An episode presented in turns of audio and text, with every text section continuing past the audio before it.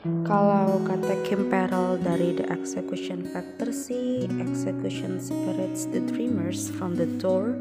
It is the ability to do and get results, to keep moving forward, to achieve your visions and goals in business and life despite challenges, hardships, and obstacles that lie ahead. Hello everyone, good morning buat teman-teman semuanya. Welcome back to the another episode of the podcast Matahari Kita. Kembali lagi dengan gue Nana dan Aul. Salam kenal ya buat teman-teman semuanya yang ada di rumah atau di mana pun teman-teman Sun Followers berada yang lagi dengerin podcast ini.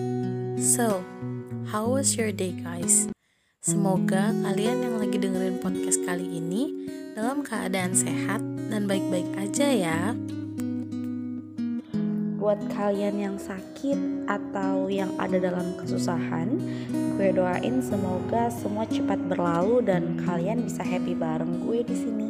Sebelum kita masuk ke topik yang sangat asik kali ini, hmm, mari merapatkan barisan, ambil snacknya, minumnya juga jangan lupa biar gak atau dengerin bareng pacarnya masing-masing juga boleh sih karena jujur tema kali ini lumayan sedikit berat untuk kita bincang-bincang bersama Kegagalan atau keberhasilan proyek tergantung pada eksekusi.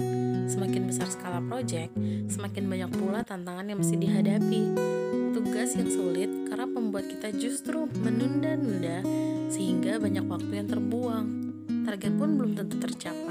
Gimana kita bisa mengeksekusi proyek besar dengan lebih efektif sehingga performa kerja dan produktivitas naik? Kalau menurut Harvard Business Review, mereka menyatakan bahwa 60% pekerja menganggap organisasi mereka itu lemah dalam eksekusi. Robert Kaplan and David Norton juga mengatakan dari Harvard Business School kalau strategi bisnis gagal karena eksekusi yang buruk. Jadi eksekusi adalah bagian terpenting dari sebuah strategi menurut penulis buku The Execution Factor Kim Perel yang aku sebutkan tadi di awal. Bagaimana kita bisa menghindari eksekusi yang buruk? Salah satunya adalah dengan membagi tugas-tugas dalam proyek besar ke skala yang lebih kecil dengan batas waktu yang lebih jelas. Berbagi tugas mulai dari menulis email sampai membuat presentasi punya alokasi waktu tersendiri. Dengan pembagian tugas, target pekerjaan akan lebih jelas sehingga kita bisa fokus kepada satu tugas tertentu. Banyak teknik untuk membagi tugas besar menjadi tugas-tugas yang lebih kecil. Misalnya, jika kamu bertujuan untuk menyelesaikan tugas paling besar, kamu bisa pakai metode rewind and reduce. Contoh itu kayak metode membagi tugas secara sistematis, lengkap dengan batasan waktu yang bisa kita capai. Sesuai dengan namanya yaitu langkah mundur dengan rewind, langkah pertama dalam teknik ini adalah rewind atau putar balik cara kita bekerja. Kita bekerja secara terbalik mulai dari tujuan akhir proyek dan melangkah mundur.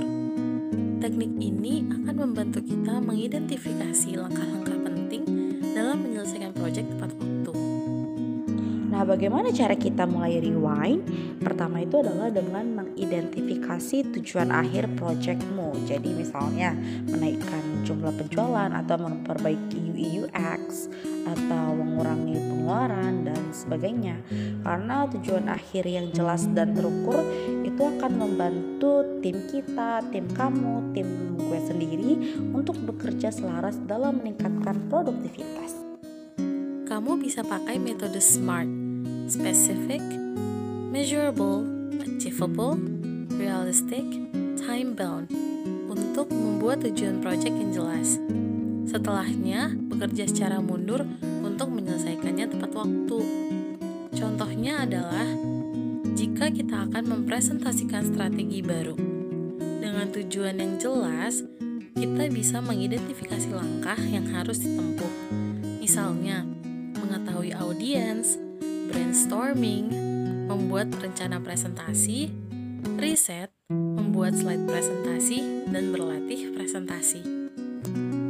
Bagi tugas secara spesifik, langkah kedua adalah reduce atau mengurangi.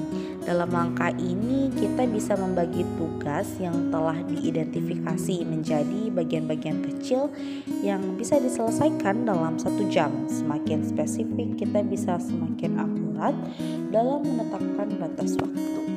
Misalnya, untuk presentasi, kita bisa mengalokasikan batasan waktu seperti ini yang pertama, identifikasi audience, brainstorming, dan membuat rencana presentasi selama satu jam. Selanjutnya adalah riset selama satu jam, lalu membuat slide presentasi selama satu jam, dan berlatih presentasi selama satu jam. Total waktu yang diperlukan adalah 4 jam. Jika kita hanya bisa mengalokasikan satu jam sehari untuk tugas ini, kita tahu bahwa dalam empat hari tugas ini akan selesai. Kita berada dalam proyek besar, terkadang tugas-tugas kecil justru molor sehingga proyek tidak selesai tepat waktu. Dengan rewind dan radius yang telah gua sebutkan tadi di awal, kita bisa mencapai atau mencapai goal project dengan lebih efektif dan tepat waktu. Sekian dari kita. So see you teman-teman Sun followers di episode selanjutnya.